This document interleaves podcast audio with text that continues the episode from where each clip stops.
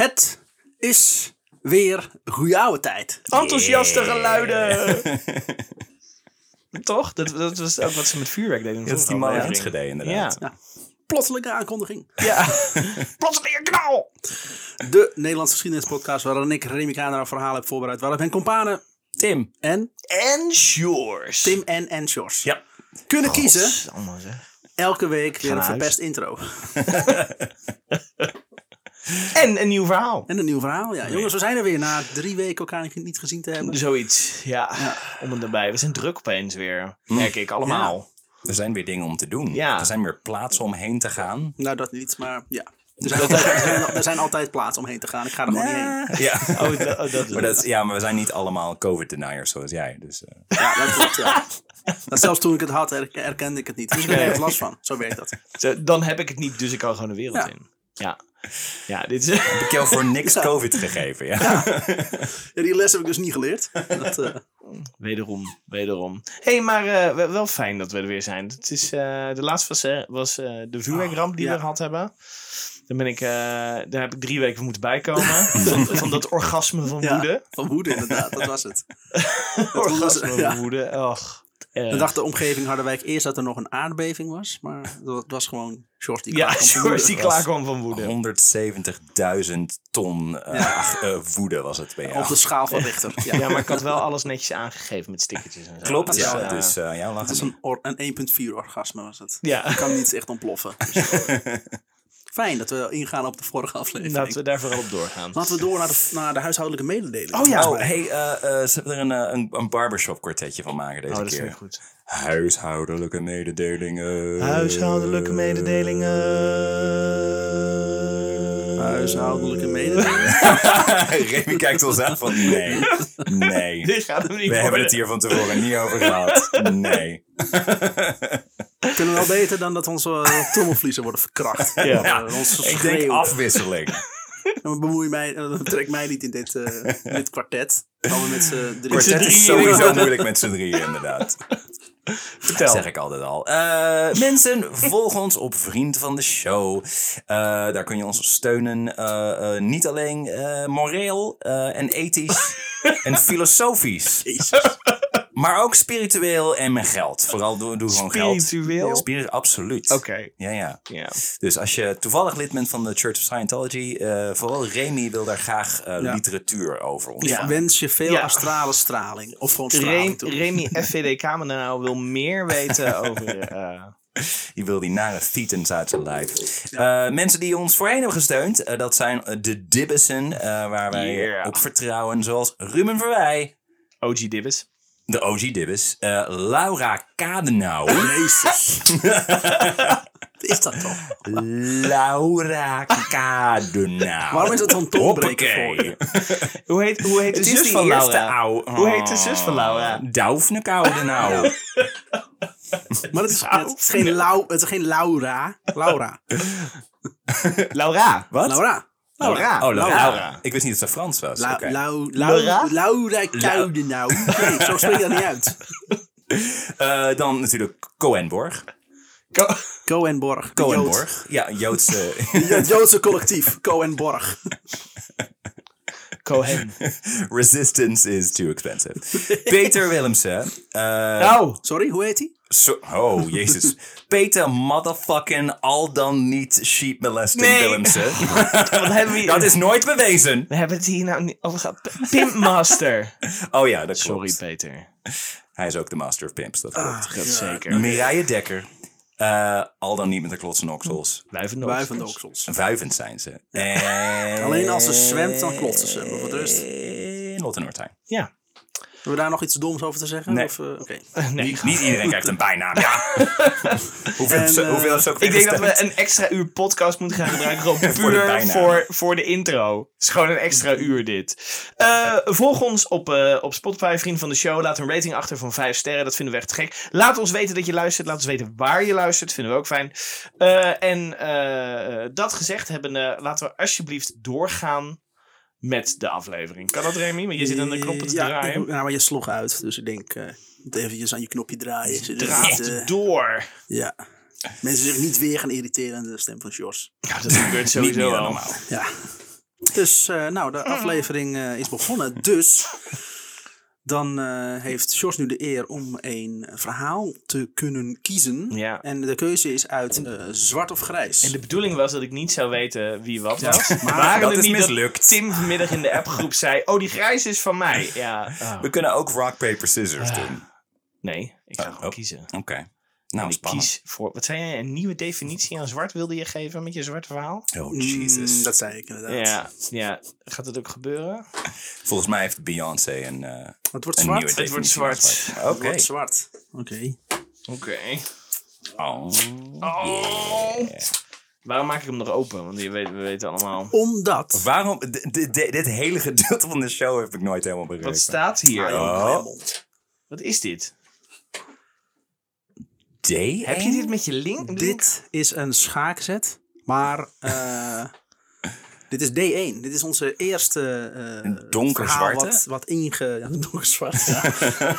Zwarter dan zwart. Oh dit is het eerste verhaal wat wat? Wat door een dibbes is ingestuurd. Dit is oh, één. dit is Die persoon heeft het niet geschreven, maar ons wel ge- gehint op... eh, Heb jij een pen tussen je tenen gedaan Ja. en dat toen opgeschreven op dit ja, papiertje? tussen, mijn, tussen mijn tanden, maar Ja. dat ook. Het moet even op de socials deze inderdaad. Deen. Ja, oké. Dus een, een Dibbes verhaal. Van welke Dibbes? eh, Van eh, Peter, eh, motherfucking, dan wel niet, piep, Willemsen.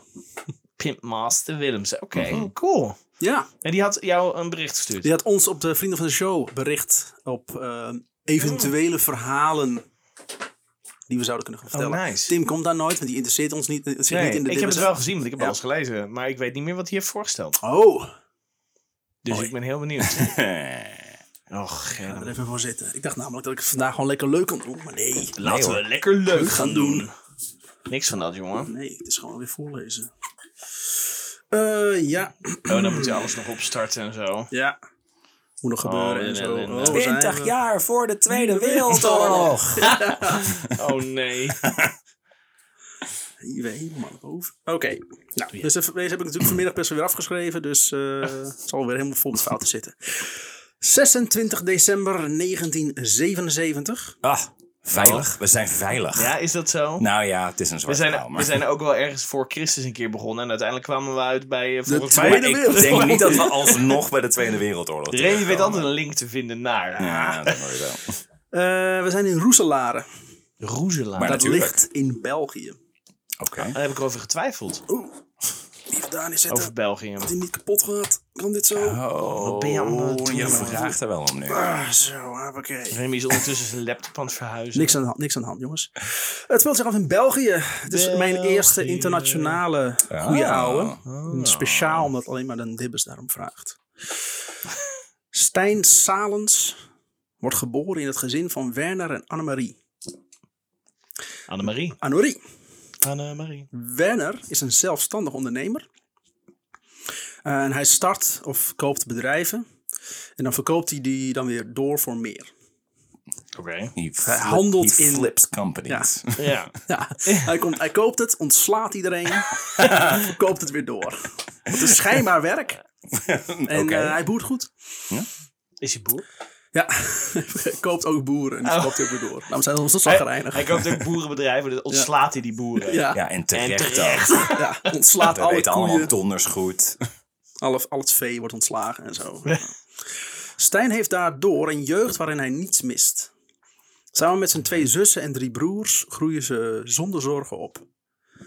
Vader Werner is wel van mening dat je niet mag pronken met rijkdom.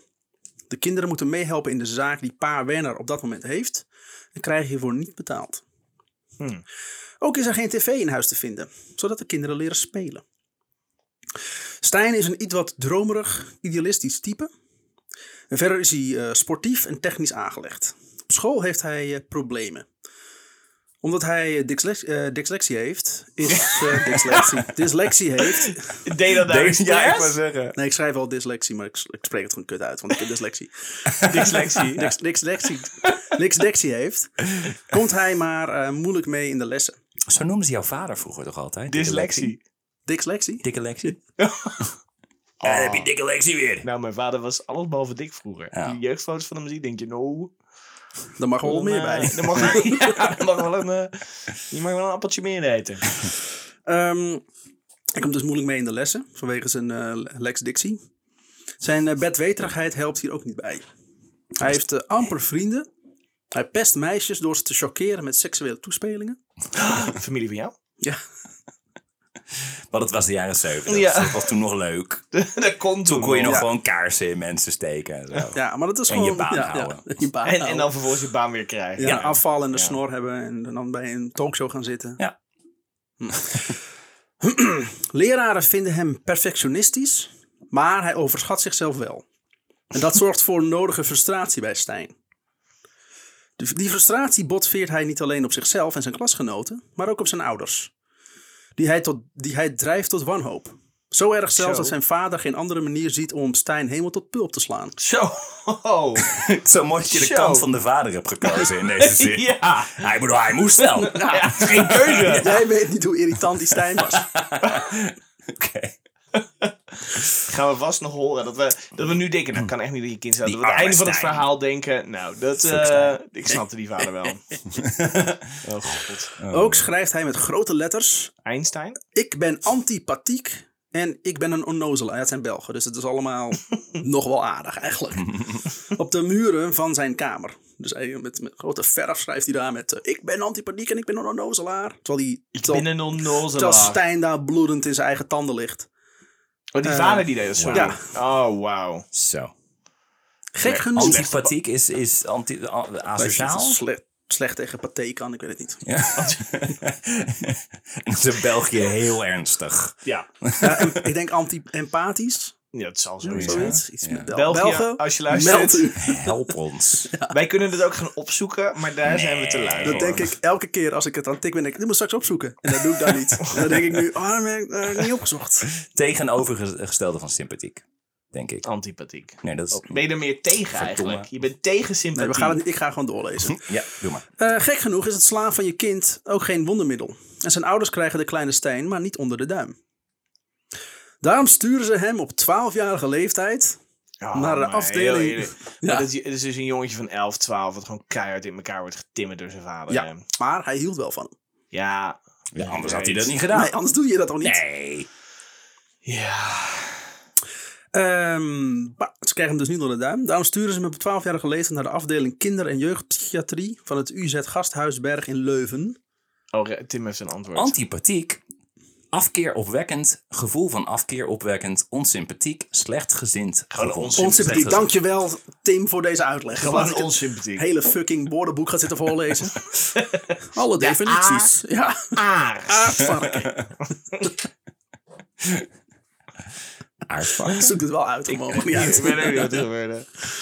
Ehm, hij zit dus opgeslogen in die, in die inrichting. Hij zit daar vier maanden en dan mag hij weer naar huis. Heb je wat geleerd van die afranseling? Ja, pap. Oké, goed zo. Als Stijn 18 jaar is en in het vierde van het Technisch Instituut komt, is dat inmiddels zijn achtste school. Oh, wauw. Hij kan mo- moeilijk op één plek blijven. Ook heeft hij privéonderwijs gevolgd. Eh, hij zit in die klas en hij is daar nu twee jaar ouder dan zijn klasgenoten. En daardoor is hij gelijk een buitenbeentje. Ja. Ja. Hij studeert er industriële wetenschappen. Maar daar wordt hij afgegooid. Dat laat voor Stijn weinig opties open. Het enige wat Stijn kan, nog kan volgen is beroepsonderwijs. Maar daar voelt hij zich te goed voor. hij slaat het vijfde en zesde studiejaar over en haalt een diploma middelbaar onderwijs. Oké. Hierna, eh, hij, huurt nu een, eh, hij huurt hierna een kamer in Leuven, waar hij, waar hij bij het hoger onderwijs een studie industrieel ingenieur volgt. Maar de lessen kunnen hem niet zo boeien en hij haakt af. Hij blijft wel nog in Leuven hangen en geniet van het uitgaansleven. Uitgaansleuven. Ja, Leuven, ja.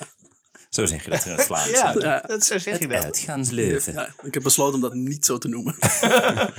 hij besluit om in het buitenland te gaan studeren. Hij schrijft zich in bij het UCL, de University College of London. Ja. Daar wil hij de zware studie doen burgerlijke ingenieur bouwkunde volgen. Hij is een, het is een eh, privéschool waar de nadruk meer ligt op zelf doen. En dan op het bijwonen van colleges. Nou, ideaal voor ons. Ideaal, ideaal voor een lui... eh, Luie. Ik was even wel een, een, een jongen die vooral het probleem heeft met discipline. Weet je waar ik heen moet? Een private school in England. waar, ik, Ja. waar ik het zelf allemaal mag uitvogelen. Ja. ja dat werkt. Stijn eh, sp- spendeert zijn tijd vooral aan lezen. Hij verslindt boeken over allerlei onderwerpen. Kwantumfysica, astrologie, filosofie en natuurkunde. Minimale inzet, maximaal resultaat is zijn motto. Nee, maar hij gaat wel eh, volle bak dus lezen. Hij Ja, duikt er maar- wel vol in. Maar niet over de onderwerpen die gaan over zijn studie. Ja, dus alleen de dingen die hij leuk, Leuk vindt of ja. interessant vindt. Want hij, vaak slaat hij pas zijn studieboeken open één dag voor het examen. En vreemd genoeg behaalt hij kutresultaten. Nou, Wat? dat is echt raar. Ja, toch? Maar in die maximale Ja. resultaten dan? Ja. Ja, heeft? minimaal. Hij belooft minimale heeft hij heeft 50% heeft hij al onder de Ja, ja, Dus is al een 5 en dat is eh, voldoende. Ja. In zijn hoofd gaat het heel goed. Ja, hij is verre van een briljant student. En hij haalt de meeste tentamens met hakken over de sloot. Maar hij is toch wel een beetje klaar met die studie. hij neemt een pauze van een half jaar om naar Latijns-Amerika te reizen. Om daar andere culturen te leren kennen. Andere, die- andere scholen op te zoeken. Het, is ook een beetje eh, Abraham Isaac Roos. Van, nou, ik ben hier nu wel klaar. Ik ga nu weer ergens anders heen. Nee, dat is, eh, niet, niet Adem Roos, toch? Dat is Johnny eh, de Droog. Ja, Johnny Droog ook. Maar, maar Abraham Isaac Roos heeft ik verfilm me ook. Dus ik ga daarheen. En dan moest hij bij de boer moest hij bieten gaan, eh, Oh ja, gaan dat telen. was En toen- toen ja, was hij er ook klaar mee. En toen werd hij burgemeester. Ja. maar dat was een succesverhaal. Ja, dat was een succesverhaal. Ik weet niet wat dit gaat worden. Nou, ik gok dat, dat deze jongen op zijn eigen manier heel succesvol. Ik denk dat hij in ieder geval heel veel, eh, heel veel gaat, eh, gaat eh, bewerkstelligen in zijn leven. Ha, interessant. Vermoed ik. We hebben nu wel een podcast over hem. Ja. In een zwarte envelop. Nou, Nou goed, hij gaat dus naar Latijns-Amerika om daar andere culturen te leren kennen. In Guatemala volgt hij Spaans. In Ecuador geeft hij les op een school. hè? Ja, dus hij gaat eerst naar Guatemala. Zegt hij, nou, ik wil Spaans leren. En dan gaat hij naar Ecuador en zegt ja, weet je wat, ik kan wel hier les geven. En dat doet hij dan ook. Ja, prima. Dat is een beetje wat jij in Thailand Ja. hebt gedaan. Nee, dat is ook wel weer zo. Hij, hij, was, hij was waarschijnlijk ook heel wit. Dus zo is iets van, ja, dat, nee, nee, nee, jij weet, jij weet kennelijk dingen. Stijn en Kijk nou, Tim ja. lijken heel erg op elkaar. Ik voel al een soort van band met hem ook, ja. dat ga, daar ga ik spijt van krijgen van die uitspraak, hè? Ik denk het wel. Maar maakt niet uit. We gaan er ligt eraan wat, jou, eh, wat jouw idealen zijn. Oh, jee. Hij koopt een auto samen met zijn beste vriend en doorkruist Nicaragua en Panama. Hij begint zelfs ergens een pa paprika plantage. Begint een paprika plantage. Ja. Jesus. Ik begin een paprika Het is wel- Ik ben er klaar mee, doei. Ja. Denk dat het zo is Heeft hij een lang weekend gedaan? Ik- weet je wat het een grap is? Het patroon een beetje die, die ik nu zie bij, bij mensen in onze verhalen. Is dat ze zeg maar heel ondernemend zijn. Dus ze gaan steeds dingen doen. Maar de mensen waar die niet zo goed zijn, haken heel snel af. En de mensen die juist eh, eh, door echt Ja. ondernemend zijn, de, de goede, de good guys in onze verhalen, die zetten altijd door. Jozef Sylvester zeg maar, die, de enige reden waarom hij stopte was omdat hij door moest of ergens anders heen moest. Ja. Maar dit, Daarom hoop ik ook dat wij het lang volhouden om een podcast te houden. Dat Ja, is want- voor Ja. ons alleen maar beter. Oh ja, en voor de wereld. ja, daar wordt de wereld beter van, ja. nou ja, want- wie weet wat we anders namelijk gaan Ik doen. naar die waar, we, FVD, waar we eh, anders terechtkomen. Vooral. Ja, moet ik Ja. weer naar die FVD-vergaderingen en zo. Daar Ja, heb ik zin in. Dus wij, wij moeten Remy bezig blijven houden. Ja, Dat is gewoon heel belangrijk. maar daar krijgen wij dan ook geld voor van de regering. ja, precies. Ja, wij zijn van die smerige subsidie, subsidietrekkers. Trekkers, ja. Van die subsidieaftrekkers. Ja. Tegenover vrienden schept hij op over een eindstudie. Een haalbaarheidsstudie over de overkoepeling van een Londens treinstation. Wat? Hm? Oké. Een, een, een haalbaarheidsstudie over Ja, de overkoepeling van, een Londens treinstation. Ja, er moet dus een koepel overheen gebouwd worden. En ik kan dat. Dat is een haalbaarheidsstudie. Nee, het is meer van in hoeverre is het te doen. Ja. Om daar, zoveel moet er eigenlijk al een koepel overheen. Oh. Kan het? En is het bouwkundig technisch wel in orde? Ah, Dat is het. ik snap. Maar weinigen snappen dit complexe werk volgens hem. En hij heeft het mogen schrijven. Het is een prestige slot op een zware opleiding. Ach, Dat lijkt me hij, ook lastig trouwens in die plannen, omdat je dan sowieso, ja, deze ene pilaar op dit ene platform, daar kun je doorheen rennen en dan kom je bij een magische school terecht. Dat is allemaal hartstikke onhandig, ja, zo architectonisch gezien. dat heeft hij er wel ingebouwd. Ja, ik bedoel, Hij was... this is a load-bearing structure. Nu hij afgestudeerd is, ge- afgestudeerd is, mag hij de titel ingenieur gebruiken. Ja. Wat hij niet doet. Terwijl de meeste mensen in onze verhalen eh, eh, noemen zichzelf gewoon ineens ingenieur zonder dat ze daar Ja, recht op hebben. ik ben dat. Dit is precies het Nee, nee, tegenovergestelde. Als hij dat dan toch een keer vermeldt, komt er een klacht binnen. Zo. Hierna zet hij geen ingenieur meer voor zijn naam. Maar Waarom? noemt hij zichzelf een projectontwikkelaar. Omdat ik nooit fucking opleiding heb afgemaakt. Hij zegt dat gewoon. Ah, Oh, het is bullshit. Ja. Ja? dus toch. Dus, du- dus hij, hij noemt dat wel eens zo van... Ja, ik ben eigenlijk ingenieur, maar dat ik ben niet heel bescheiden. weten. Dus. Dan wil ik niet aan de grote klok eh, lopen hangen, jongens. Kom op. Hey, Ja, dus ook die studie is gewoon onzin. Hij, hij lult alles bij elkaar. En voor de rest kan hij niet zoveel. Weet Dat je hoe die een beetje klinkt eh, voor mij? Antipathiek. Is een beetje nou, antipathieke jongen. behoorlijk antipathiek, ja. Mhm.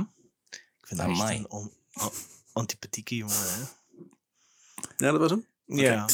In 2001, als Stijn 23 jaar is, loopt hij... Elisa- Sorry, wanneer? 23 jaar is hij dan. In, in 2001. Loopt hij Dichtbij. Elisabeth Gijzelbrecht tegen het lijf. Elisabeth is een 23-jarige arts in opleiding. En komt uit een, dochtersgezin, een doktersgezin. Komt uit een doktersgezin, natuurlijk, want zij, zij leeft daarin. Komt uit een doktersgezin. Ze heeft twee broers, Peter en Hannes. Haar vader heeft een huisarts, huisartsenpraktijk. En ze is op advies van haar vader ook geneeskunde gaan studeren. Stijn en Elisabeth raken aan de praat. Omdat Stijn een ziekenhuis in Guatemala wil moderniseren. Geen idee wat waar is. Hij zegt dat. Ja, hij Dus, zegt dat. Ah, hij- want, Misschien wilde hij dat best. want lekker wijf, dus ja. Een weekend lang. ja. ja, maar ik wil dat heel erg. Tot ik weer iets nieuws ontdek. Ik wil, maar Iets toen- nieuws wil. ik wil asperges laten groeien. In dat ziekenhuis. In Enschede. nooit gedaan. Enschede, In ja. Enschede. Eh, en Elisabeth denkt dat zij hem daar wel mee kan helpen. Stijn legt uit dat het gebouw er al staat. Maar dat er alleen nog medische apparatuur nodig is. Twijfelachtig, hè? Ja, Ja. Dat, dat weet eh, Elisabeth wel even te regelen. Is, El- is Elisabeth ook eh, Vlaams? Ze hebben allebei op dit moment een relatie. Elisabeth is zelfs verloofd. Maar Oh, wacht even. Toen je zei ze hebben allebei op dit moment een relatie, dan denk ik, ja, dat snap ik. Maar niet met elkaar. Niet met dus. elkaar, Nee.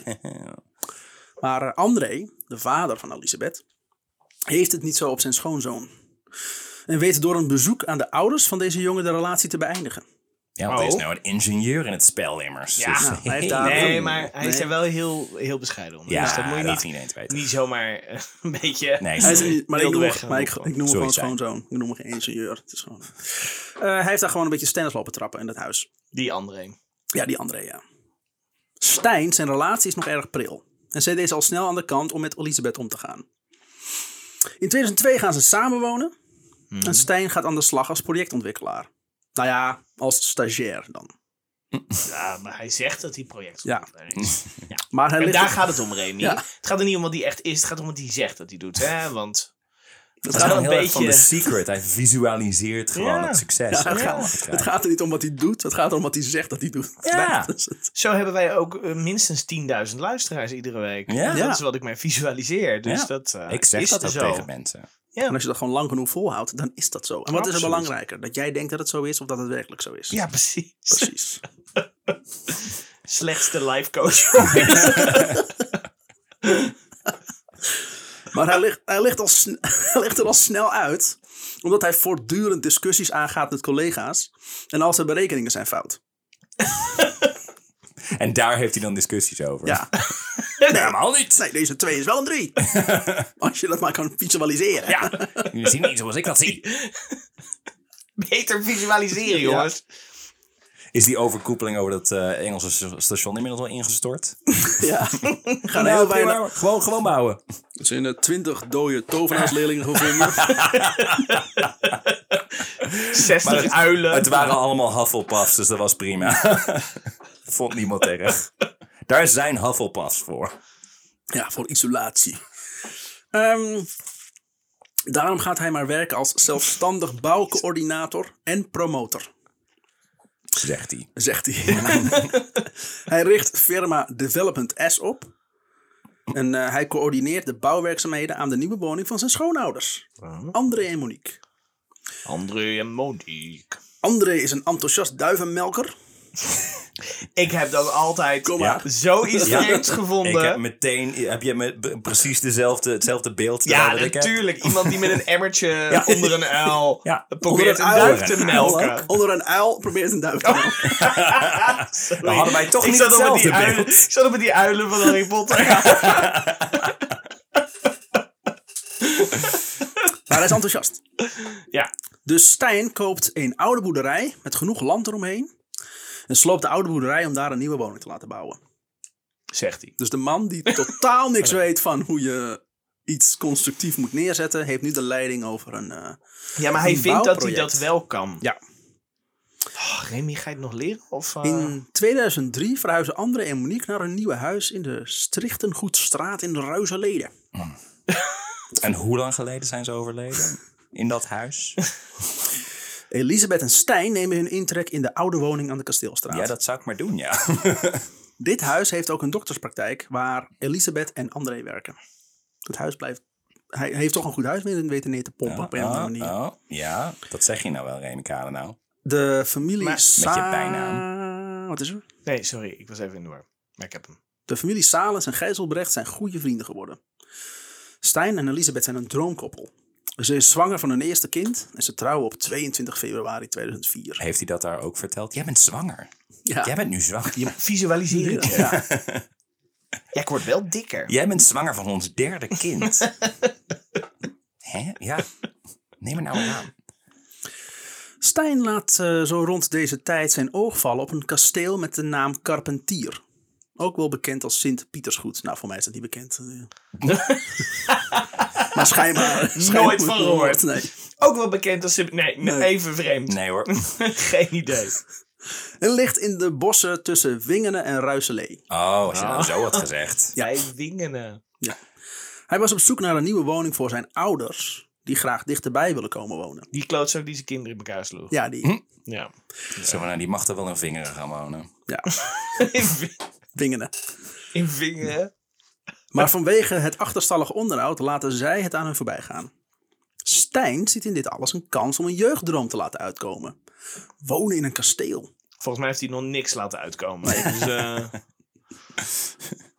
Hij heeft het namelijk een beetje druk in de woning boven de dokterspraktijk. Hij heeft het daar wel weer gezien. Ja, ja. Ja. precies. Ja, tuurlijk. Next! Ik heb nu alles gesloopt. Nu moet Ja. ik weer gaan bouwen. Ja. Ik ben eigenlijk wel klaar mee. Ik Ik vind wel goed zo. Vind wel mooi? Ja. Dat is zo'n 50% jongen. vind het gezegend. Ja. Hij heeft nogmaals die, die minimale input heeft hij weer gedaan. Ja. Held. Elisabeth is voortdurend beschikbaar voor patiënten. En ook s'avonds bellen die gewoon aan. Het is een dokter, hè?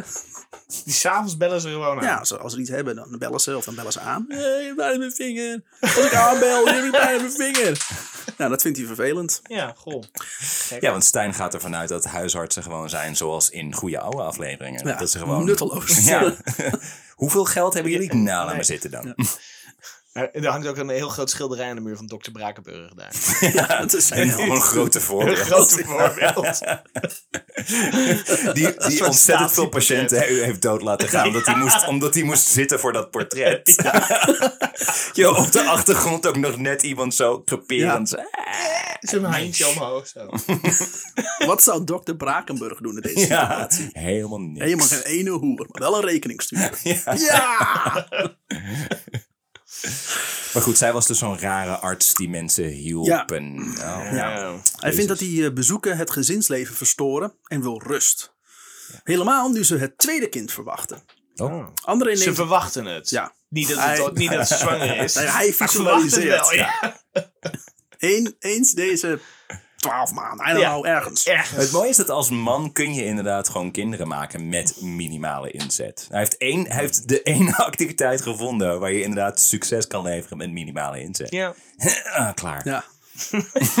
hij ligt ook op bed. Hij laat, hij laat ah, dat vrouw al het werk doen. Kun je van de kant probeer sport te kijken. Mannen. Ehm, André eh, neemt de late bezoekjes voor zijn rekening. Dus eh, de vader van eh, Elisabeth, die, die zorgt ervoor als er dan mensen aanbellen, dat hij dan degene is die... wat fijn. Nee, ze kunnen niet gewoon zeggen, kom niet. nee, dat kan niet. Oké. Ja, dat kun je wel zeggen. Kom niet met je, met je zieke hoofd. Met je hartaanval. Ja. Gewoon, oh, morgen. Nee, maar dit is, dit is 2004. Ja, Ik bedoel- ongeveer. Ja. Ja, het is natuurlijk wel België, dus dat loopt sowieso 20 jaar achter op Nederland. Maar in die tijd was het in Nederland volgens mij. De, Dus dus ik het weet dat we een 19 handjevol luisteraars hebben in België. Waarschijnlijk tot nu toe van, oh wat leuk, het gaat een keer over. Ah, ah, dat, dat hadden ze ook oh, zeker moeten weten. hallo. Je luistert niet naar ons omdat je dan complimenten krijgt. zit er niet, zit een aantal, een aantal Belgische boeren zitten nu. Waarom toch stel? Oh, oh, maar waarom? Maar, oh. Ja, zo zitten ze. Allemaal thuis rond de radio. Oh, ja. Stil maar Betsy, het komt wel goed. Zo. Wat een raar Vlaams accent. Ja, inderdaad, ja. Het is een Twents, Het was een een Twentse... Zwaans accent. Maar die was geëmigreerd naar België. Tuurlijk. Oh ja, ja, klopt ja. Die zit er nu eentje daar zo. in Twente, ja, ja, oh ja. Die zit daar nu met zijn varken Betsy. Wat heb je een ontzettende backstory eh, achter je personage. Dat vind ik mooi. Ja, Daarom duurt het soms wat langer voordat ze naar boven komen. Maar als ze er dan zijn, dan... Sorry. Moeten we door, Jamie? Oké. En Stijn... Of zal ik wat meer vertellen over de boer die... Oh ja, ja, fijn. Ja? Ja, ik hoef... Ja, ik, ik, ik een hoef aflevering binnen de aflevering. Hij heet Harm. Ja. Eh, hij was geboren in 1987. Nee, laten we dit tijdens 1987. niet gaan doen. Sorry, Remy, ga door. Fijn. Kijkt ook steeds boos. André neemt de late bezoekjes voor zijn rekening. En Stijn ziet kansen in het kasteel met, eh, met een uitgebreid park eromheen. Hij ziet zijn kinderen daar al opgroeien. Zijn eh, vijf kinderen die hij visualiseert. Die zich visualiseert.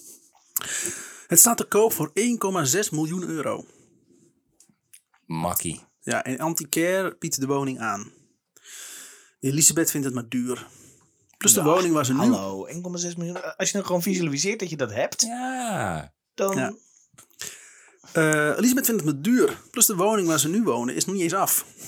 Want ja, precies zo jij zei, toch, Jos? maar Stijn heeft zijn zinnen gezet op het kasteel. En regelt met de verkoper dat hij het kasteel koopt. Maar dat hij de eigenaar twee jaar de tijd geeft om zijn antiekzaak, die de antiquaire in de- het kasteel heeft, af te bouwen. Daardoor hoeft hij nu nog maar 1,43 miljoen euro te betalen. Oh, makkie. Nou, Koop dat is je. even... En, en, eh en eh, hoe heet ze, hoe heet ze vrouw ook alweer? Elisabeth. Elisabeth. Doe gewoon de bek Ik wil houden. zeggen Betsy. Betsy, ja. Maar dat is het varken van Harm. ja. Elisabeth. Elisabeth. Ja, we weten niet hoe ze eruit ziet.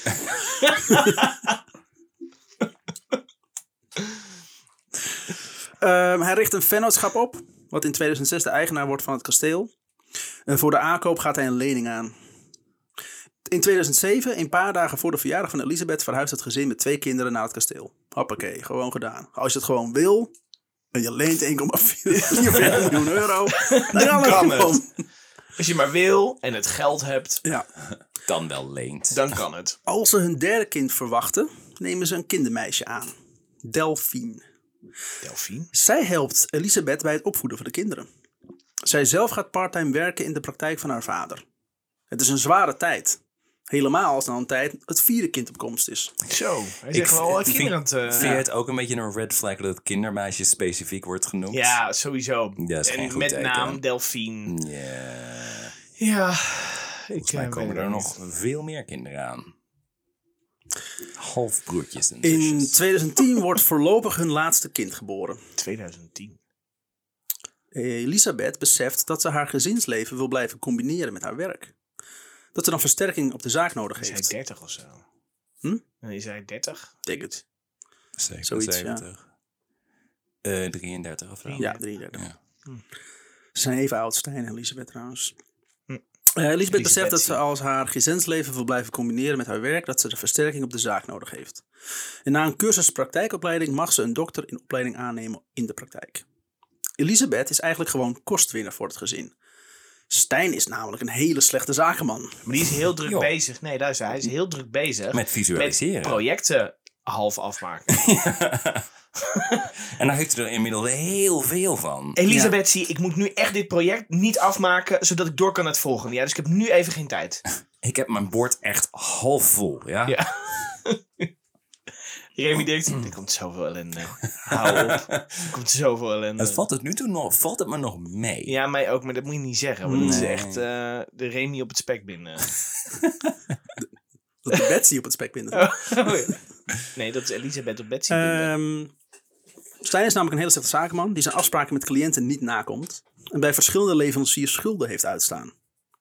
In het voorjaar van 2010 zijn er hoogoplopende discussies met, met een bouwbedrijf, omdat, die, omdat het werk niet snel genoeg gaat volgens Stijn. Stijn heeft ook ruzie met een andere firma, die het kasteel van 78 nieuwe ramen en deuren kan voorzien. Zo. Stijn is niet tevreden over de plaatsing en weigert te betalen. Ik wil ze allemaal in het plafond hebben. Ja. Boe. nou, eh, hier neem ik ook wel vrede mee, maar ik betaal niet. Ehm, er komt een rechtszaak en er moet een expert komen kijken naar het werk. Elisabeth is hier helemaal klaar mee en eh, bemiddelt met de leverancier een, betaal, eh, een betaling in gedeeltes.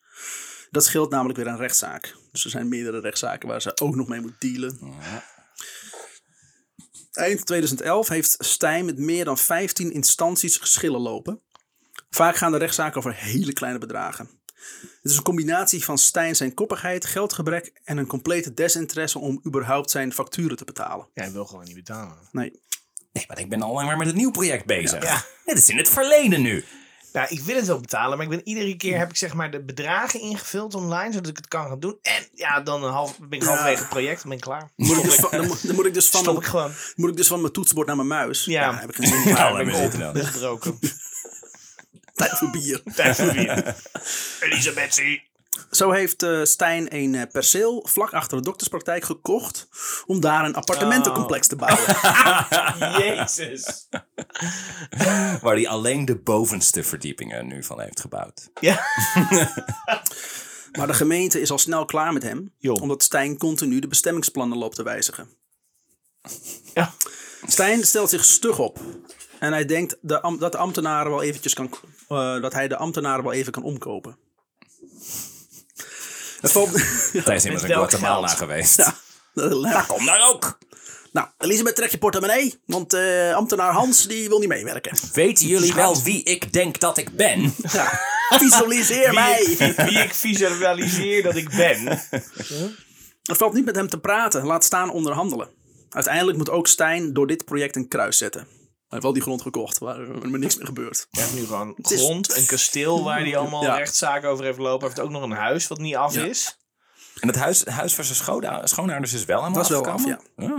Daarna was hij klaar. Ja, dat De heeft- rechtszaak- Dat heeft die André Ja. misschien zelf ook nog wel gedaan. Ja. Ja, de rechtszaken zorgen ervoor dat Stijn in een depressie glijdt en kan al snel niet Ja. meer werken. En leeft van een ziekteuitkering. Nu komt alles helemaal op Elisabeth haar schouders terecht.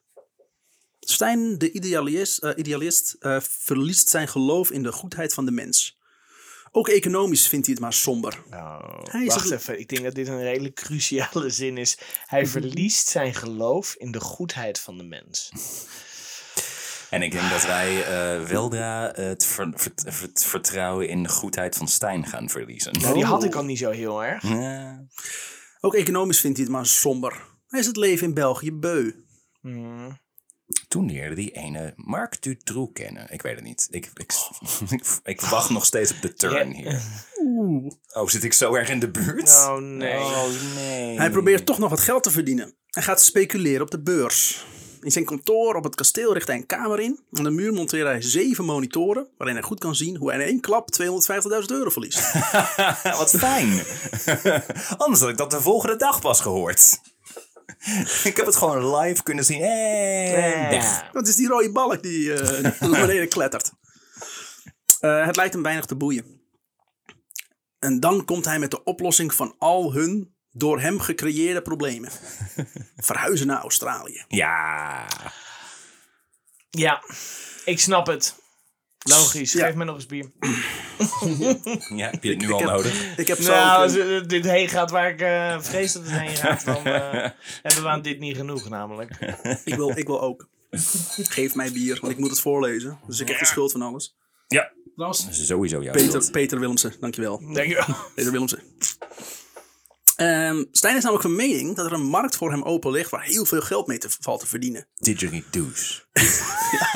Didgeridoos en didgeridon'ts. En dan, dan wel de markt van de alternatieve energie. Oh. En de elektromagnetische velden in Australië. Oh. Oh. Deze nieuwe technologie wordt overal in de wereld tegengehouden door politieke en economische machten. Ja, natuurlijk. Oh, dat, ja. Vindt Ja. hij. Maar niet in Australië. Stijn is ook helemaal van de permacultuur. Een alternatieve wijze van duurzaam en zelfvoorzienend leven in gemeenschap en in volstrekte harmonie met de natuur. Oh, wacht even. Is hij de reden waarom we nu, wij nu allemaal die energie gebruiken? Juist, Heide. Ja. Oh. Ja, want nu inderdaad hoor je er elke dag over.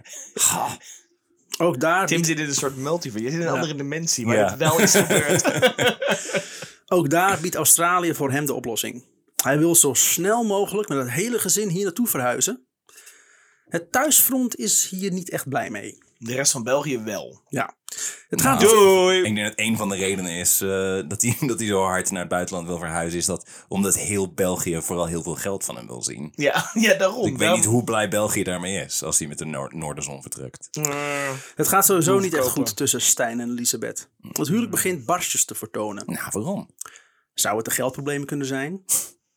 Of dat Stijn niet echt iets doorzet? Of al die rechtszaken? Oh, of het kindermeisje. Of is het die keer dat de oudste dochter van het stel tegen haar moeder vertelt dat Stijn haar een zoen op de mond heeft gegeven en dat hij daarbij zijn tong in het mond van zijn nog maar 5,5-jarige eh, jarige, jo- eh, dochtertje stak? Oh, veel, veel, veel naarder nog. Als- Weet je, weet je nog toen het kindermeisje... Ik, dat, was, eh, dat was leuk, hè? Ik, eh, als, als, dit, als we echt hierheen gaan, dan eh, weet ik niet of ik überhaupt blijf zitten. Even, even, even volhouden. Het is nog even na, maar het, is wel, het zijn wel feiten die verteld moeten worden. Oké. Als Elisabeth, als Elisabeth verhaal komt halen bij Stijn, vindt dat hij, dat hij dat ze maar overdrijft. Het was maar spel. Dit was niet het eerste incident met Stijn en hun dochter. Een jaar eerder heeft hij met zijn tong haar, quote, piesvriendje aangevraagd, eh, aangeraakt. Oh, Zo ver- vriendje. Ja, zo vertelde, ze, Ah, dat woord alleen al. zo vertelde ze dat aan haar moeder, eh, aan haar oma, de moeder van Stijn. Als Stijn daarmee geconfronteerd wordt, geeft hij dit toe. Maar geeft aan dat het per ongeluk gebeurde bij het aandoen van een pamper. Hij was kusjes aan het geven op de onderbuik van boven naar onder en eindigde boven haar vagina. Hij belooft dat het niet meer zal voorkomen en gaat in therapie. Elisabeth vergeeft het hem. En nu komt opeens het verhaal van die tongzoen, eh, tong- tongzoen naar boven. Elisabeth is razend. Als ze voor steun naar haar schoonouders stapt, krijgt ze weinig hulp. Ze vinden dat Elisabeth maar overdrijft. Stijn was gewoon met zijn dochter aan het spelen en per ongeluk is daar die tongzoen. Kan gebeuren. Elisabeth begint zich zorgen te maken. Als Stijn nu al zo luchtig hierover doet, wat als hun dochter straks ouder is? Hij kan alleen maar haar vertrouwen terugwinnen door in therapie, te gaan. Maar Stijn heeft het niet zo op therapeuten. Maar de felle, van, eh, felle reactie van Elisabeth, daar schrikt hij wel van. Dus hij blijft zeggen dat het hem spijt en biedt aan eenmalig, eenmalig bij een psychiater langs te gaan. Ik, ik begrijp inmiddels wel een beetje waarom hij zich aangetrokken voelt tot het boek The Secret. Want hij dacht, oh, dat, gaat helemaal niet waarover Dat ik dacht. een ding. Dat is ook nog een ding, ja, de secret. Elisabeth vertelt ook haar vader over het incident. Zijn reactie is het tegenovergestelde van hoe de ouders van Stijn reageren. Ja. En hij is in alle staten. Ja. Hij neemt contact op met een kinderpsycholoog om de dochter te laten onderzoeken. Elisabeth weet van deze afspraken. Ze brengt zelf haar dochter, eh, ze brengt zelf haar dochter naar die afspraken. En eh, Stijn is hiervan niet op de hoogte. De eerste twee Wat, een- wat een misbruik van, eh, van zijn vertrouwen. Ja. Wat erg. Dat is erg, hè? Dat is, Dat, is hem het echte verhaal. Dat ze hem dat aandoet. Het gaat ook om hoe we die vrouwen vervolgen Ja. en, die, en die ouders. Zij, zij is, de, is de hoofdrolspeler. Ja, wat een monster. Wat een Ugh, monster. Verschrikkelijk. De eerste twee sessies brengen niet veel op. Pas bij de derde sessie, als de psycholoog de dochter verschillende tekeningen voorlegt met verschillende emoties, krijgen ze een respons. De dochter wijst een tekening aan met een boos kind. Op de vraag waarom ze juist voor die ke- tekening kiest, zegt het meisje dat ze boos werd toen papa zijn tong in haar mond stak. Ze vond het helemaal niet leuk en ze zei dat ook, maar papa lachte en ging er gewoon mee door. Andere seksuele handelingen kunnen niet worden vastgesteld. Maar het gedrag wat Stijn vertoont, daar is, daar is maar één woord voor. En dat is pedofilie. Yep. Bij de vierde sessie blokkeert het meisje compleet en wil niet meer reageren.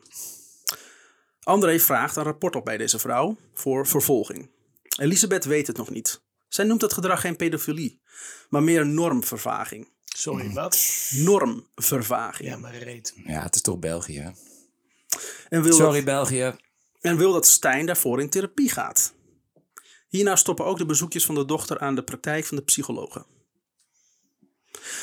Stijn zelf is niet bezig met dat pedo- pedofilie gedoe. Nee. Voor hem was het allemaal onschuldig. Er zaten bij hem geen seksuele gevoelens bij. Het was gewoon een misverstand. Maar dit is voor hem wel de, be- hem de bevestiging dat, eh, die hij moet hebben om te beseffen dat het leven in België niets voor hem en zijn gezin is. Hij raakt in de ban van de Rinning Cedars. We hebben, ja? Een secte die, eh, die een complete terugkeer naar de, eh, naar de natuur predikt. Yay. Opgericht door de Rus Vladimir Maigre. Zijn opvattingen over de relatie tussen mens en natuur heeft hij opgeschreven in tien boeken, waarin hij ook zijn ontmoeting omschrijft met Anastasia, een vee die in de Siberische taiga in, in harmonie met de natuur leeft. Dus waterdicht. Was zij ook de dochter van de tsaar toevallig? Ja. Vijf en een half jaar. Nee, deze, deze secte heeft eh, afdelingen over de hele wereld. Nog steeds. Ja, en streven naar het oprichten van biodorpen. Dorpen die volledig afhankelijk zijn van wat de natuur hun geeft. Hoe, hoe heet het ook weer? De ringing, ringing, ringing cedars. Ringing Cedar. Ja, de zoemende cedars, weet ik veel wat dat is. Oké. Zijn kever volgens mij. Is het een boom? Cedar? Cedar. Cedar. Cedarhout. Cedar. Als een cedar, als een C-E-D-E-R. Ja, dat Nee, denk ik. zo. C-E-D-A-R. Oh. Whatever, iets sectusachtig. Ehm voor Stijn is dit helemaal de shit. Hij sluit zich aan bij een groep, genaam, eh, bij een groep genaamd Ontschool je kinderen. Geef ze terug aan de schepping. Ja. Hij Wij moeten vooral in een gemeenschap gaan wonen met vrijwel geen overzicht. Al dus de pedofiel. Is, er, is dit nog in België? Of is hij nou naar Australië gegaan? Hij is nu nog in, eh, in België. Ja. Ja. Ja, we, zijn nog niet, eh, we zijn daar nog niet. Ehm zij sluit zich aan bij die groep. Hij gelooft niet meer in een traditionele geneeskunde. Ziek zijn bestaat niet volgens Stijn. Nee. Hij heeft zelfs een keer zijn oudste zoon naar school gestuurd, terwijl die hondsberoerd was. En, eh, en eh, trouwens, Elisabeth mocht ook niet meer in een ziekenhuis eh, bevallen, maar moest dit thuis doen. Ik vind het wel raar dat hij niet gelooft in, me- me- in- in geneeskunde, terwijl zijn vrouw Een dokter, dokter is, inderdaad. Ja. Dus ik geloof Daar niet in moet ze ook vrouw. maar eens mee stoppen. Mijn vrouw werkt, maar waar? Ja, Geen de idee. farmaceutische industrie maakt juist Maar mensen dit is, ziek. hè? volgens Ja. mij is dit, dit is iemand die, die eh, zeg maar, het, het ging al niet goed. Dus hij, dit is, die is gewoon op zoek gegaan naar dingen waarvan hij denkt van, oh, eh, hier voel ik me wel. Zeg maar de mensen die de research doen op de wc. Zeg maar dat. Zeg Ja, maar, maar ik heeft- heb een idee en dan Ja. ga ik nu mensen bij zoeken die, daar, die erbij passen in plaats Ja, van... maar het patroon is zijn hele leven al, al, dat hij alles beter weet dan zijn docenten. Ja. En, dat iedereen, en ja, Vooral niet vragen stellen bij jezelf. Nee. Maar eh, het, ligt aan de wereld eromheen. En dat is, in die relatie gaat het nu gewoon steeds fout. Het gaat steeds verder fout. Dus, Ja. die, dus hij luistert helemaal niet meer naar zijn vrouw. Zijn, zijn reisplannen naar Australië worden ook steeds concreter. Hij is aan het kijken naar een woning en vraagt bij transportfirma's de prijzen op voor het verschepen van een container. Elisabeth ziet de reisplannen naar Australië helemaal niet zitten. Hier in België heeft ze. Sorry? Natuurlijk niet. Nee, hier in België heeft ze immers haar hele leven opgebouwd. Maar met Stijn valt niet te praten. Stijn heeft bepaald dat Australië het beste land is voor hem en zijn gezin. In de zomer van 2011 gaat het gezin naar Amerika om het huwelijk van Stijns jongere broertje Brecht bij te wonen. Brecht is in 2004 vertrokken naar Amerika en is daar een spiritueel genezer. Oh, wauw. Hè, hoe, eh, zat er al iets in dat gezin dat ze allebei... eh, Hm? Dat zo- zo- zowel hij als zijn broer gaan dus heel erg de new age. Oh, het wordt nog veel, veel leuker. Ja, maar het, komt niet van hun ouders uit. Dus die waren niet gelovig Nee? of weird. Of, Niet. Nee? Oh. Nee, Echt niet? Oh. Waarin mijn vrouw heb ik dat eh, heb ik verteld? Dat zij niet geloven in spirituele meuk? Nou ja, het- omdat je juist Omdat het feit dat je daar niks over... Ja, maar dat maakt niet uit. We gaan alsnog terug naar de Tweede Wereldoorlog. Kut! En hieruit blijkt dat de schuld echt ligt bij alle Joden. Verdomme. Verdomme. Ehm, dus die Brecht die is spiritueel genezer en gebruikt de aanspreking reverend De voor zijn aanspreking. Aanspreking reverend voor zijn naam. Ja. Net zoals dat zijn broer een ingenieur is. De Reverend Brecht. Ingenieur Stijn en Reverend Ja. Brecht. Het is eh, Brecht La trouwens. la la la la la. Ja, Brecht. Brecht. Is Eh, Brecht. Brecht en Ernie. Zo heten ze in België. Is Brecht er niet? Hij biedt eh, diensten aan als helderziende en medium met de gave om op een heldere wijze aan te tonen dat het leven verder gaat aan de andere zijde. Het huwelijk zal plaatsvinden in Lilydale, New York. Het, spiritu- het spirituele hart van Amerika. Zijn aanstaande is de Amerikaanse Sarah Lucy. Een gediplomeerd acupuncturiste. Eh, en zij heeft ook een boek geschreven over haar, ja- haar jarenlange zoektocht naar spiritueel doen. Spiritueel doen. ik doe al zo lang spiritueel. Soms doe ik zo met mijn handen. Zo, woe, is heel spiritueel. Soms denk ik een kaars in mijn Zweeft anus. even de story. Ontzettend spiritueel. Hun eh, kindermeisje voor de trip is niet Delphine, maar Charlotte. Waar is Delphine gebleven? Geen idee, thuis. Ah. Waarom Ehm, heb je er dan genoemd? Ja. Ja, maar die, dat komt nog terug. Die zit nog steeds thuis. Oké. Zwanger te wezen, hè? misschien. Weet ik wel, weet ik niet. Eh, Charlotte schrijft naar, naar huis in wat voor absurde wereld ze is terechtgekomen. Yo. Eh, zoals die keer dat het gezin naar een museum wilde gaan. Maar omdat Stijn weigerde schoenen aan te trekken, zijn ze het, kunnen ze het, komen ze het gebouw niet in. Dus hij liep graag op zijn blote voeten rond. De- Oké. Een, Dit was al een tijdje iets. wat een kutlul die Stijn. Nee, dat komt nu naar boven. Oké. Oh, ja. Op een van de laatste dagen van de reis gaan eh, Stijn en Elisabeth naar een spiritueel therapeut. Om Ik vind het alleen maar mooi hoe jij spiritueel steeds uit. Spiritueel. Ja, ik heb, ik, heb, Remy heeft daar een mening ik over. geloof niet in spiritualiteit, alleen in spiritus. Eh, om Stijn te laten inzien wat hij deed met, een dochtertje, met zijn dochtertje fout was. De therapie was een tip van Brecht. Stijn komt tot inkeer en geeft ze fout toe. Oh. Elisabeth vergeet het hem. En geeft aan dat ze bereid is om met Stijn naar Australië te reizen. Maar in eerste instantie zonder kinderen. Gewoon om de boel een beetje te Ja, verkennen. liefde maakt echt blind, hè? Ja. Bij En in thuiskomst, Australië zijn nog andere kinderen, dus eh, hè.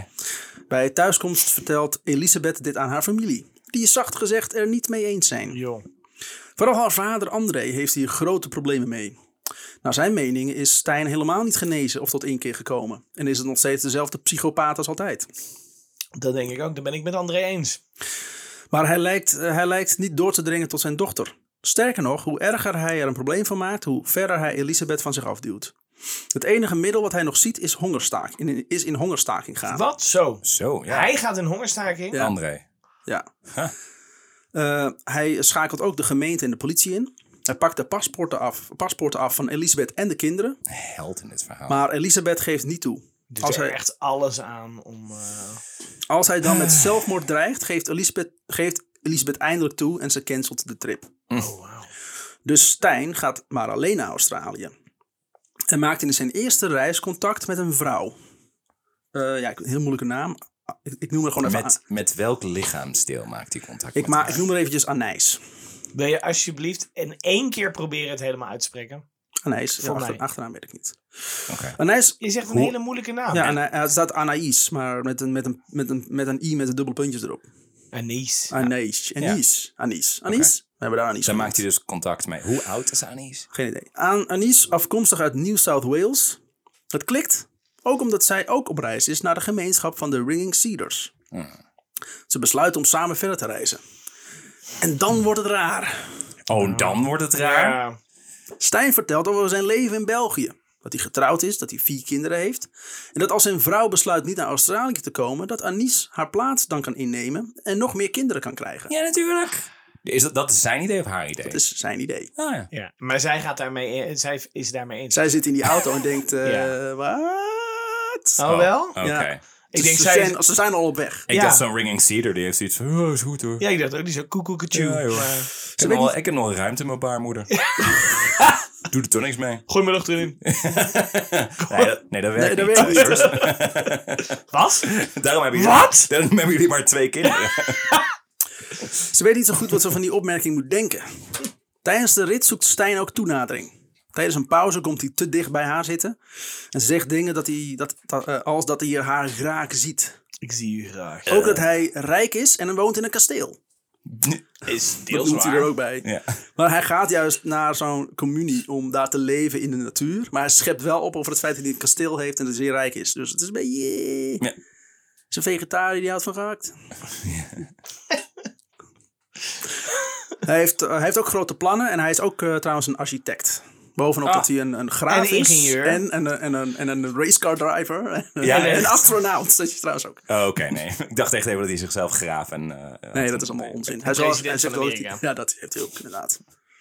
Ze zijn op zoek naar verschillende communities in de vallei. Stijn zit achter het stuur, maar lijkt maar niet de weg te kunnen vinden. Het zou hier toch echt moeten zijn. Ze besluiten om dan maar te overnachten in een motel. Ja, want de enige andere optie is de weg vragen. En als ik Stijn een beetje ken, Ik, Ja. spreek Nee, geen, nee, nee, nee, het is deze kant op. ik spreek geen Australisch. zei hij in zijn beste Engels. Ehm Good day, iedereen. Anies geeft wel aan dat ze een aparte kamer wil. Ja. Maar volgens eh, Stijn zijn die er niet meer. Wel een kamer met twee aparte bedden. In de kamer aangekomen blijkt, blijkt dat die twee aparte bedden eigenlijk één groot bed is en een klein eenpersoonsbedje. Ze trekt haar slaapkleding kleding aan en gaat in een volle angst in het kleine bedje liggen. Maar wacht even hoor, dit is allemaal nog op dezelfde dag? Of is zij nog, nogmaals met diezelfde Nou ja, psychopaat ze- in de auto gestapt? Ze hebben, ze, hebben, ze hebben ontmoet, het klikte, het ging goed. Toen gingen ze onderweg en toen begon hij een beetje creepy te worden. Ja, en precies. te zeggen van, En dat oh ze ja, nu nog steeds dezelfde- En dat is dus nu onderweg en nu kunnen ze die, die communie niet vinden. eh, en dan gaan Precies. ze maar... Precies. Dat toch? Ja. Eh, maar Stijn gebiedt haar om bij hem te komen liggen. Gebied haar. Ze is bang en doet wat hij vraagt. Ja. Hij zoekt weer toenadering. Zij verzet zich, maar dat boeit Stijn niet. Hij praat de hele tijd. Zegt dat dit iets is wat zij wil. Hij houdt haar vast, begint haar te zoenen, terwijl zij de hele tijd zichzelf verzet. Dan na een minutenlange worsteling legt Stijn haar op haar buik en penetreert haar van achteren. Hij komt vrijwel onmiddellijk klaar. Ze stapt uit bed en gaat gelijk onder de douche om zichzelf schoon te spoelen. Zij neemt geen contraceptie en is doodsbang dat ze zwanger van hem raakt. Ze is op een plaats waar ze niemand kent. Ze heeft geen geld, geen telefoon of vervoer. Ze keert weer terug in bed. Slapen doet ze niet. De volgende ochtend neemt ze weer een douche. Dan is er geklop op de deur. Het is Stijn.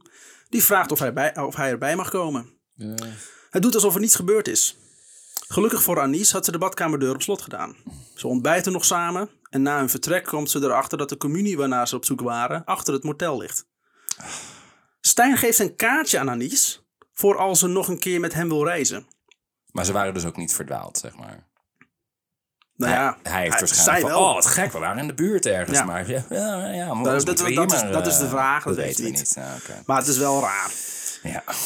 Maar zij, hij, Stijn geeft dus een kaartje aan Anies voor als ze nog een keer met hem wil reizen. Dat ze dan maar contact met hem moet opnemen. Tijdens het verblijf in de communie praat ze met een ander meisje over de nare ervaring die ze heeft gehad met Stijn. Ja. Ze durft niet uit te spreken dat het gaat om verkrachting, omdat ze denkt dat zij het heeft uitgelokt. Stijn praat met iedereen over dat hij seks heeft gehad met haar en dat ze regelmatig seks hebben. Ze kan niet geloven dat, iemand met, eh, dat niemand haar gelooft, maar hem wel. Bij het vertrek geeft Stijn haar nog een brief met levenslessen. Ah, dat is echt heel erg Hij vindt insult zichzelf echt injury. superieur. Ja, maar ik bedoel, hey, eh, als, als je niet oprecht gelooft dat dit oké is, dan geef je toch iemand die je zojuist hebt verkracht ook niet van, hey, hier, is mijn, hier zijn mijn adresgegevens. Ja. Ja, die man is gewoon niet goed. Nee, precies. Het is echt helemaal van padje af. Bij terugkomst in België kan Stijn niet ophouden over hoe fucking gaaf Australië is. Ja, man, iedereen wil seks met je hebben. En dat ze zo snel mogelijk weer terug moeten. Bij de volgende reis wil Stijn gelijk dat Elisabeth en de kinderen meekomen. Maar Elisabeth wil dit echt niet. Het gaat veel te snel. Stijn zegt daarop dat hij dan samen met de twee jongste kinderen alvast die kant op gaat. Nee. en dat Nee, Elisabeth nee, later kan komen. Elisabeth vangt dit op als een bedreiging. Ja. Want niets lijkt erop dat Stijn nog terugkomt naar België. Ze schrikt en besluit onder te duiken bij, de, bij familie samen met haar vier kinderen, zodat Stijn ze niet mee kan nemen. Oké. Heel goed. Ook besluit ze samen met haar vader een klacht in te dienen bij de politie Kijk. voor het vermeende incest. Wat ze, toch, wat ze toch niet vergeten en vergeven heeft. Nee. Fijn. Ze, heeft, ze moet haar telefoon inleveren bij, eh, bij André. Want Stijn zou die kunnen traceren. En, krijgt een, en ze krijgt een geheim nummer. Ze duikt onder in een vakantiehuisje van de, van de vrienden van André. Ik heb ook het idee, omdat hij een tijdje weg is geweest, dan heeft, heeft André heeft waarschijnlijk een beetje op erin kunnen praten. En, want ze lijkt nu een stuk Redelijker. rationeler, ja. Ja, en, en misschien heeft ze ontdekt van, oh, het, is eigenlijk, het leven is eigenlijk wel goed zo. Ja. Weet je, met de kinderen, met Alles mijn is ouders in ineens de veel buurt. makkelijker zonder Die rare fucking, manische eh, man is niet in de buurt. En dan komt hij terug en dus gaan met z'n allen naar Australië. Ja! Zo weet hij dat ook, ja. Hij praat niet in, in, in zachte woorden. Het is alleen maar geschreeuw. Van de Emiratenband speech. Dat is Hij heeft, Chaka! hij heeft inmiddels al een paar maanden zijn voeten niet gewassen ook. Dus, Ja. Eh, Eh, haar laptop wordt afgenomen. Zelfs haar auto is er kwijt, zodat ze niet weg kan. De familie van Elisabeth doet er alles aan om haar te isoleren en, eh, isoleren en het huwelijk te laten klappen. Dus vertrekt Stijn voor de tweede keer alleen naar Australië. Oh, laat hij er blijven. Nu Stijn in het buitenland zit, wil Elisabeth weer in het kasteel gaan wonen. En de rechter heeft een straatverbod eh, geregeld tegen Stijn. Dus zelfs als hij terug is, dan mag hij niet in de buurt van het kasteel komen. Oké. Maar André is hier tegen. Dat ze in het kasteel gaat wonen. Dus trekt Elisabeth samen met haar vier kinderen maar in eh, bij de dokterspraktijk. Ze begint, ze begint ook Stijn te missen. En neemt stiekem contact met hem op. Nee. Nu hij in Australië zit, is de dreiging weg. Ze praten met elkaar over wat er gebeurd is. Stijn komt tot inkeer en besluit terug naar België te komen om zijn huwelijk te redden. Oh, hij, hij- het is fijn dat hij tot de tweede, keer- voor de tweede keer tot inkeer is gekomen. Fijn, Her, herinkeer. Ja. Ik kom, tijdens zijn kom volledig tot incest. Keer! Shit. Working on it. Ehm, in Australië heeft Stijn ook weer contact proberen te zoeken met Anis, de vrouw wie hij eerder heeft verkracht. Ze is stom verbaasd dat hij dit doet. En op een avond, als hij daar aanwezig is, confronteert zij hem met wat hij gedaan heeft, tegenover iedereen die daar aanwezig is. Hoppakee. Maar het is een secte, dus... Stijn huilt de hele tijd. En vertelt eigenlijk alleen maar over hoe zwaar zijn, le- eh, zijn leven thuis is. Ja. Hij veron- verontschuldigt zich niet voor zijn gedrag naar Anis. Nee, want hij, hij, hij heeft het nou helemaal moeilijk. Dus eh, ja, Ja. dan verkracht je soms iemand. Ja, en dat je daar dan over begint, Ja, lullig dat is een beetje eh, iemand natrappen terwijl die op zijn buik op bed ligt. Stijn, eh, weer in België aangekomen, vertelt hij aan Elisabeth dat hij alles, dat hij alles al geregeld heeft in Australië. Hey, eh, Remy, jij miste het even, maar Shores, had even zijn ogen dicht en he, was, he went to his happy place. Ja, ik ben echt op zoek naar Het is een beetje alsof, als- open alsof je. Shores aan het verkrachten was met die grap. Waarom Die was nou? ook niet fijn. Waarom nou? Nee, ja.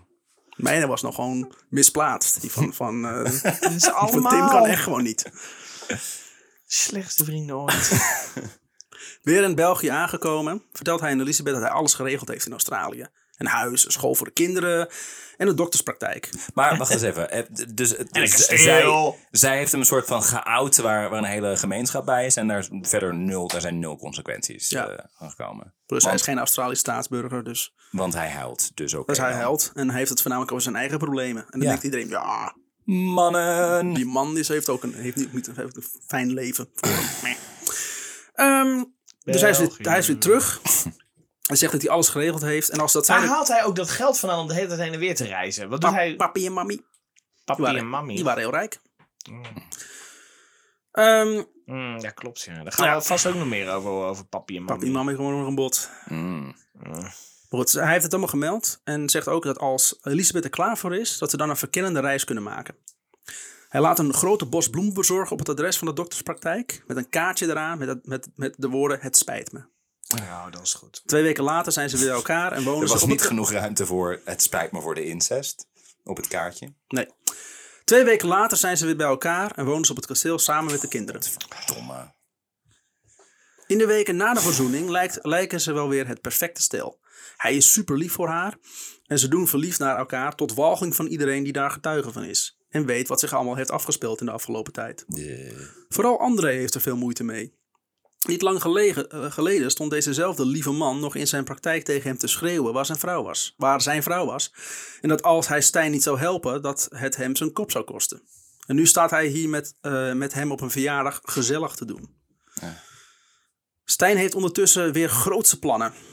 Hij gaat een studiereis doen voor, eh, door India. Om daar een cursus Violet Flame Healing te volgen. Violet Flame. Wa- Ja. ja. waarom niet? violent, maar violet. Nou, Daarna gaat hij door naar Hawaii om verschillende universiteiten te bezoeken. Stijn heeft namelijk het idee om een boek te schrijven over energie opwekken op basis van elektromagnetische velden. Elisabeth heeft namelijk, of sorry, Elisabeth heeft, eh, heeft inmiddels Stijn van alles vergeven. Van pedofilie is geen sprake meer. Het is gewoon normvervaging. Het opnieuw ondervragen van het dochtertje heeft geen zin meer. Dit raadt zij af als hulpverlener en moeder. Gewoon niet meer over praten. Nee, als je het gewoon visualiseert dat het niet gebeurd is, Ja. klaar. beginnen jullie ook langzaam aan Elisabeth een beetje als een bad guy in het verhaal te zien? Iedereen is een bad guy. Stijn, zijn boek André. heeft... Ja, André. André is wel een Ik heb André, daar hou ik me aan vast. aan. Stijn, zijn boek heeft als titel The Purpose of Our Soul. Het is zijn visie over wat er allemaal mis is in de wereld. 280 pagina's vol pseudo-wetenschappelijke onzin. Zonder Als een- het boek niet 280 pagina's met alleen maar zijn naam is, dan is het bullshit. Er zonder enige vorm van research of voorbereiding. Gewoon een tsunami aan woordkots zonder enige structuur. Heb je het gelezen? Ja, Heb je het gelezen? Ja? nee, nee, dat ga je niet doen. dat, eh, dat doe je niemand aan. Nee, als ik het opzoek, dan krijg ik, eh, word ik geflagd bij de EK. Ja. dat is gewoon klaar. Het is, een weerslag van, het is een weerslag van gevoelens waarin, waar hij de afgelopen maanden mee heeft rondgelopen. Rekent af met persoonlijke demonen en legt uit hoe alle problemen in de wereld ontstaan door kosmische straling. Oh, ik dacht dat je ging zeggen door André, door zijn schoonvader. en, la- De wortel van het kwaad. en legt uit hoe alle problemen in de wereld ontstaan door kosmische straling die ons brein en gemoedstoestand beïnvloeden. Het boek wil hij in eigen beheer uitgeven. Verkoopprijs van het boek wordt 5 euro. Oh, dat is een koopje. Het valt me mee dat Hij hij... zou het vast goed in Nederland hebben gedaan. Gelijk de budgetbak in. Ja, maar ik, En ik twee verwacht- voor 9 euro. Het valt me heel erg mee dat hij er geen 500 euro voor Ja. vroeg. Want dit verandert je leven immers. Voor een kleine lening van 1,6 miljoen euro. Ja, en zo heeft hij het eh, kasteel als maar één boek verkoop. hij heeft zelfs een heel hoofdstuk gewijd aan André. Ah, zie je? Oh, echt? Ja. Die hij, die, die hij dokter dictator noemt. Ja. Verder noemt Stijn zichzelf een wetenschapper. Maar alle feitjes heeft hij gewoon van het internet geplukt. Het boek gaat alle kanten op. Is Ja, voor hij is, hij, is een, hij is een research op de wc, zeg maar. Die- Ja, die. Maar de Facebook hij gaat Ja. toch nog steeds een soort van eh, op extreem gespannen manier vriendschappelijk met zijn schoonvader op, op verjaardagen en zo. Ja, maar hij, hij is heel erg elitair. Dus hij Ja. gaat wel met hem om, maar alleen maar omdat hij is gewoon minder. Daar moet ik gewoon even iets Oké. over doen. Oké, daar heb je André. Oh. André is, hij is schattig, want André denkt het te snappen allemaal. Ja. Oh, domme André. Domme André. Wat een domme arts. Oh. Het boek gaat alle kanten op, is volledig geschreven in het Engels. Slecht Engels. Sommige vertalingen zijn direct uit het Nederlands overgenomen. Zoals de zin... These are things that are not put into question. It is important to feel good in your skin. I, I nearly walked into the trap myself. Het is een beetje als in de categorietje eh, The Ship Walked Fast. Ja, Ja. I fuck horses. Ja. And he probably does. the captain said, orphan up your guard. Ehm, kinderen worden volgens Stijn aan banden gelegd. Ze krijgen nauwelijks bewegingsvrijheid. Ja, precies. Als, ze- als kinderen seks willen hebben met volwassenen bijvoorbeeld, dan moeten ze dat gewoon kunnen doen. Ga er nou niet heen. Ja, daar gaat hij wel heen. Ze krijgen nauwelijks bewegingsvrijheid en worden gepaaid met geld en geschenken. Wat grappig is, want hij krijgt alles van zijn vader en moeder. Ja. Ja, want hij had niks... eh, Nee. Nou, dat klopt dus. Ja, halve tip. Hij, hij, hij weet het als geen ander. Hij geeft zijn eigen kijk op geneeskunde. Dan maakt hij zijn schoonvader zwart en vergelijkt hij kinderen met duiven. Wat? Dat als je die in gevangenschap opvoedt, je ze wel vrij kan laten, maar dat ze linea recta naar huis komen. En dat doet hij ook omdat André een duivenmelker is. Dus nog even zo'n lekkere mes. Als het koppel dan eindelijk op een feest... Duivenmelk is opeens niet meer zo raar. Weet je nog toen we dat raar vonden? Ja, dat Uilen- was een leuke uilenmelken. tijd. Ja. Die goede oude tijd met uilenmelken. Onder een ui een duif melken. Dat was het. Als het koppel dan eindelijk op een feestje als viering voor een huwelijk de bestemming van de reis bekend maakt, Australië. Of India. Oh ja. richt Stijn zich tot André en zegt: Sorry Ast- eh, André, maar we gaan naar Australië. Yep. Ze vertrekken over vijf dagen. De kinderen blijven bij de grootouders. En dat, is, het, Oh, dat wel. en dat is het einde van deel 1. Oh. Zo jongens. Kan niet Oh, dus maar de kinderen twee. blijven bij, bij, bij Die blijven André achter, En eh, Dus eh, slechtste moeder ooit trouwens ook. Want ik dacht, ik had nog even hoop Nou, voor... ja. Veel, veel beter zo, toch? Ja, sowieso beter. Dan Maar, ik had gehoopt dat zij gewoon snapte van deze man is niet oké. Ja. Dat hij alleen wegging. Nou, Ja, het, maar- hij zal toch een soort van, want de, de, de, de secteleider die die ongetwijfeld gaat worden, eh, zal die toch een soort van charisma hebben, een soort van... Ja, hoe groot is zijn charisma inderdaad. Dat hij dit voor elkaar krijgt. Dus je Ja. hebt gewoon je, je, je dochter misbruikt. Wat ook jouw dochter is, als Eli- Elisabeth zijnde. Ja. En ze wuift er toch een beetje weg. Ik zie het ook vaak als ze gewoon het niet in willen zien hoe slecht iemand is. Omdat je al een bepaald verleden met die persoon heeft. En dan is dat hele verleden niet waar. Ja, en ze weet natuurlijk niks over die verkrachting in Australië. Dat weten wij, maar dat weet zij niet. Nee. Ja. Godverdomme. Eh, Ja. Kan ik nog grijs kiezen? Nee, we gaan nog, we hebben nog laat. twee delen Oh, hierna. twee delen. Ja, het, is een, het is weer een maandag, vrijdag, maandag eh, uitgave. Ah. Dus het is gewoon twee weken ellende. Yep. Oh nee, ik wilde het helemaal niet. Sorry, Sjors. Nou, laat maar komen dan. Oké. Ja? Dan Ja, gaan we de zo. volgende aflevering Nou, helemaal Dan doen. gaan we er er maar gewoon doorheen gaan. Voor jullie, eh, kom even bij, lieve luisteraars thuis. En eh, waarschijnlijk wordt het alleen maar kutter. Tot, eh, tot vrijdag, jongens. Gaan we leuk het weekend in. Kut. Hoi! Nee.